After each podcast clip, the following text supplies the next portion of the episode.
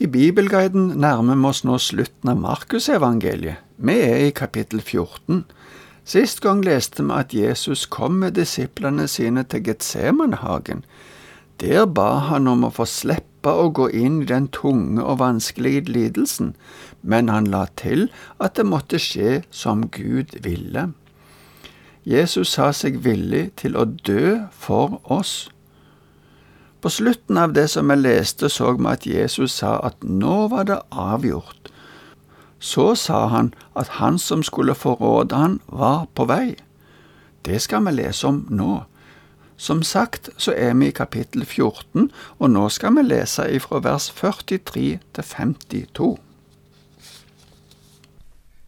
I det samme, mens han ennå talte, kom Judas, en av de tolv, og med ham en flokk som var væpnet med sverd og stokker. De kom fra overprestene, de skriftlærde og de eldste. Forræderen hadde avtalt et tegn med dem. Den jeg kysser, han er det. Grip ham og før ham bort med sikker vakt. Og da han kom, gikk han straks bort til Jesus og sa, Rabbi, og kysset ham. Så la de hånd på ham og tok ham til fange. En av dem som sto der, dro da sverdet og hogg etter øversteprestens tjener og kuttet av ham øret. Men Jesus sa til dem, Dere har rykket ut med sverd og stokker for å gripe meg, som om jeg var en ransmann. Dag etter dag var jeg hos dere og underviste på tempelplassen, men da grep dere meg ikke. Men slik skulle Skriftene oppfylles. Da forlot alle ham og flyktet. En ung mann var i følge med Jesus. Han hadde bare et linklede om seg. De grep ham, men han slapp linkledet og flyktet naken bort. Fra nå av ser vi hvordan Jesus må gå alene. Disiplene forsvant. Han ble avvist av de religiøse lederne, så av folket og til slutt ble han forlatt av Gud. Aller først ser vi at Judas, som hadde vært en av disiplene, nå hadde blitt forræder. Den flokken som var med Judas, blir i Johannes evangelium definert som en avdeling med soldater. Det var en vaktstyrke som bestod av omtrent en tiendedel av en romersk legion. Det kunne nok variere noe, men det var en betydelig gruppe med soldater. Et kyss brukes vanligvis som tegn på hengivenhet. Nå hadde det blitt et tegn for forræderi. At Judas sa de skulle føre han bort med sikker vakt, betydde ikke at han tenkte på Jesus' sikkerhet, men heller at han tenkte det kunne skje uventa ting rundt Jesus, og at de derfor måtte være sikre på at de hadde kontrollen på han. Ifølge Lukas var det to av disiplene som hadde med seg sverd. En av de brukte sverdet og traff øret til en av de som kom for å ta Jesus. Johannes nevner at det var Peter som gjorde dette, og nevner òg at tjeneren til øverstepresten heter Malkus. Lukas nevner at Jesus helbreda dette øret før de gikk videre. Jesus motsetter seg ikke å bli arrestert, men han sa noe som viste hvor feige de var. De hadde fanga han som om han var en ransmann, men han hadde jo hver dag gått åpent midt iblant de og undervist. Men det som skjedde nå, var i samsvar med Skriftene, sa Jesus. Da disiplene så at Jesus overga seg til soldatene, flykta alle disiplene. I Johannes 18 beskrives det tydelig at Jesus utleverer seg sjøl. Han spør der hvem de leter etter. De svarer at de ser etter Jesus, og så svarer han at det er han, men så legger han til at de skal la disiplene gå. Markus nevner at de flykta. Markus tar med at det var en ung mann der i følge med Jesus. Det ser ikke ut til at det var en av disiplene. Mange tror at denne unge mannen var Markus sjøl. Det er ingen andre som nevner denne delen av historien, så det må være en grunn til at Markus kjenner til dette. Som vi sa tidligere, er det noen som mener at den salen der disiplene spiste påskemåltidet, var hos far til Markus. Kanskje kan Markus ha sovet i et rom i nærheten da han hørte at Jesus og disiplene gikk ut. Så har han tatt et linklede på seg og fulgt etter for å se hva som skulle skje. Men da soldatene tok fatt i han, slapp han linkledet og skyndte seg hjem. Det var jo ennå natt. Nå var Jesus alene med soldatene. Vi leser videre og ser hvor han blir ført. Vi skal lese versene 53 og 54. De førte Jesus til øverstepresten, og alle overprestene, de eldste og de skriftlærde kom sammen. Men Peter hadde fulgt etter ham på avstand, helt inn på gårdsplassen hos øverstepresten. Der satt han sammen med vaktene og varmet seg ved bålet. Øverstepresten var Kaifas, men her er det òg andre som har vært overprester tidligere. De eldste besto av overhoder for de ledende familiene i samfunnet. De skriftlærde var de jødiske ekspertene og lærerne.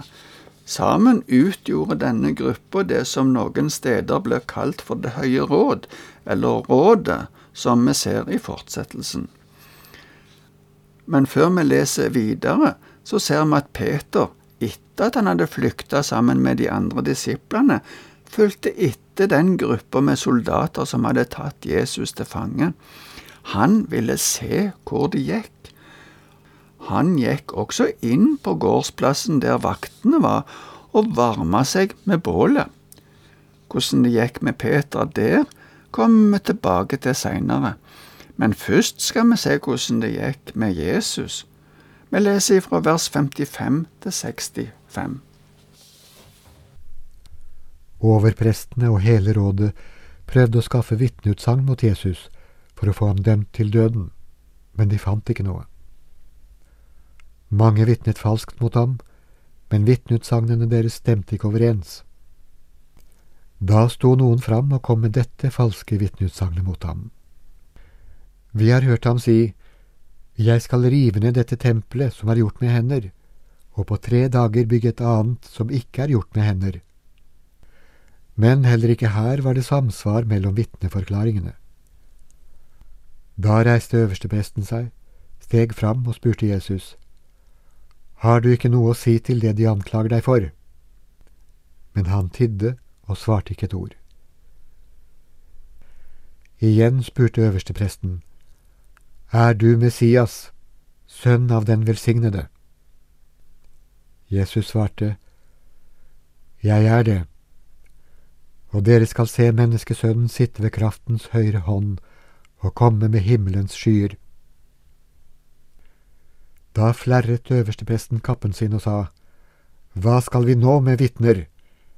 Dere har hørt gudsbespottelsen. Hva mener dere? Alle falt ham skyldig til å dø.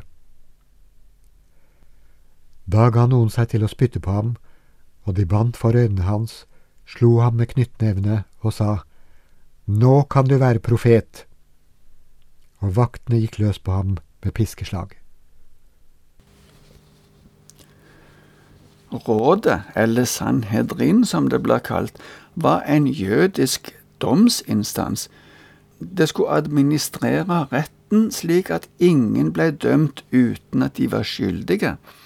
Her står det at de prøvde å skaffe vitneutsagn mot Jesus. I utgangspunktet hadde de ikke noen anklage imot Jesus som var slik at de kunne felle en dom imot han. Det de prøvde å finne fram til, kom de heller ingen vei med.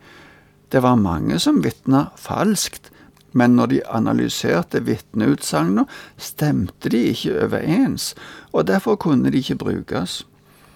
Jesus svarte ikke noe på alle disse anklagene. Til slutt reiste øverstepresten seg og spurte hvorfor Jesus ikke svarte på noe av alle disse anklagene. Men Jesus tidde fortsatt. Han svarte heller ikke øverstepresten på dette. Noen få dager før hadde Jesus ridd inn i Jerusalem på et esel. Da hadde folket hyllet han som Messias. Kanskje det var den hendelsen som gjorde at øverstepresten nå spurte Jesus om han var Messias, og han legger til sønn av den velsignede, altså Guds sønn.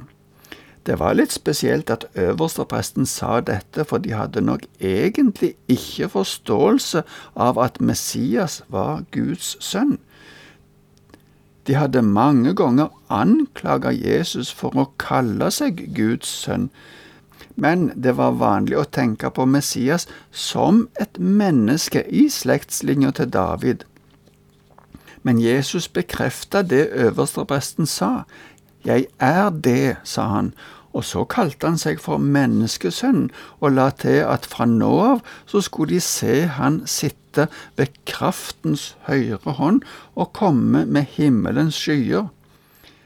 Menneskesønnen er et uttrykk som profeten Daniel bruker, og der viser det til både at han skal komme med himmelens skyer, og at han har den nære kontakten med Gud. Det inkluderer både Messias og den endelige dom og opprettelsen av Guds rike på jord. Da Jesus hadde sagt dette, reagerte øverstepresten med å flerre kappa si, står det. Han opplevde det som en forferdelig utsagn og kalte det gudsbespottelse. Nå mente han at de hadde virkelig grunn til å dømme Jesus. Han spurte de andre i rådet, og alle var enige i at han var skyldig. Da begynte de å håne og spotte han, de slo han og spytta på han, og vaktene begynte å piske han. Men historien fortsetter, både for Jesus og for Peter som sitter i gården. Det må vente til neste gang. Takk for nå, og Herren være med deg.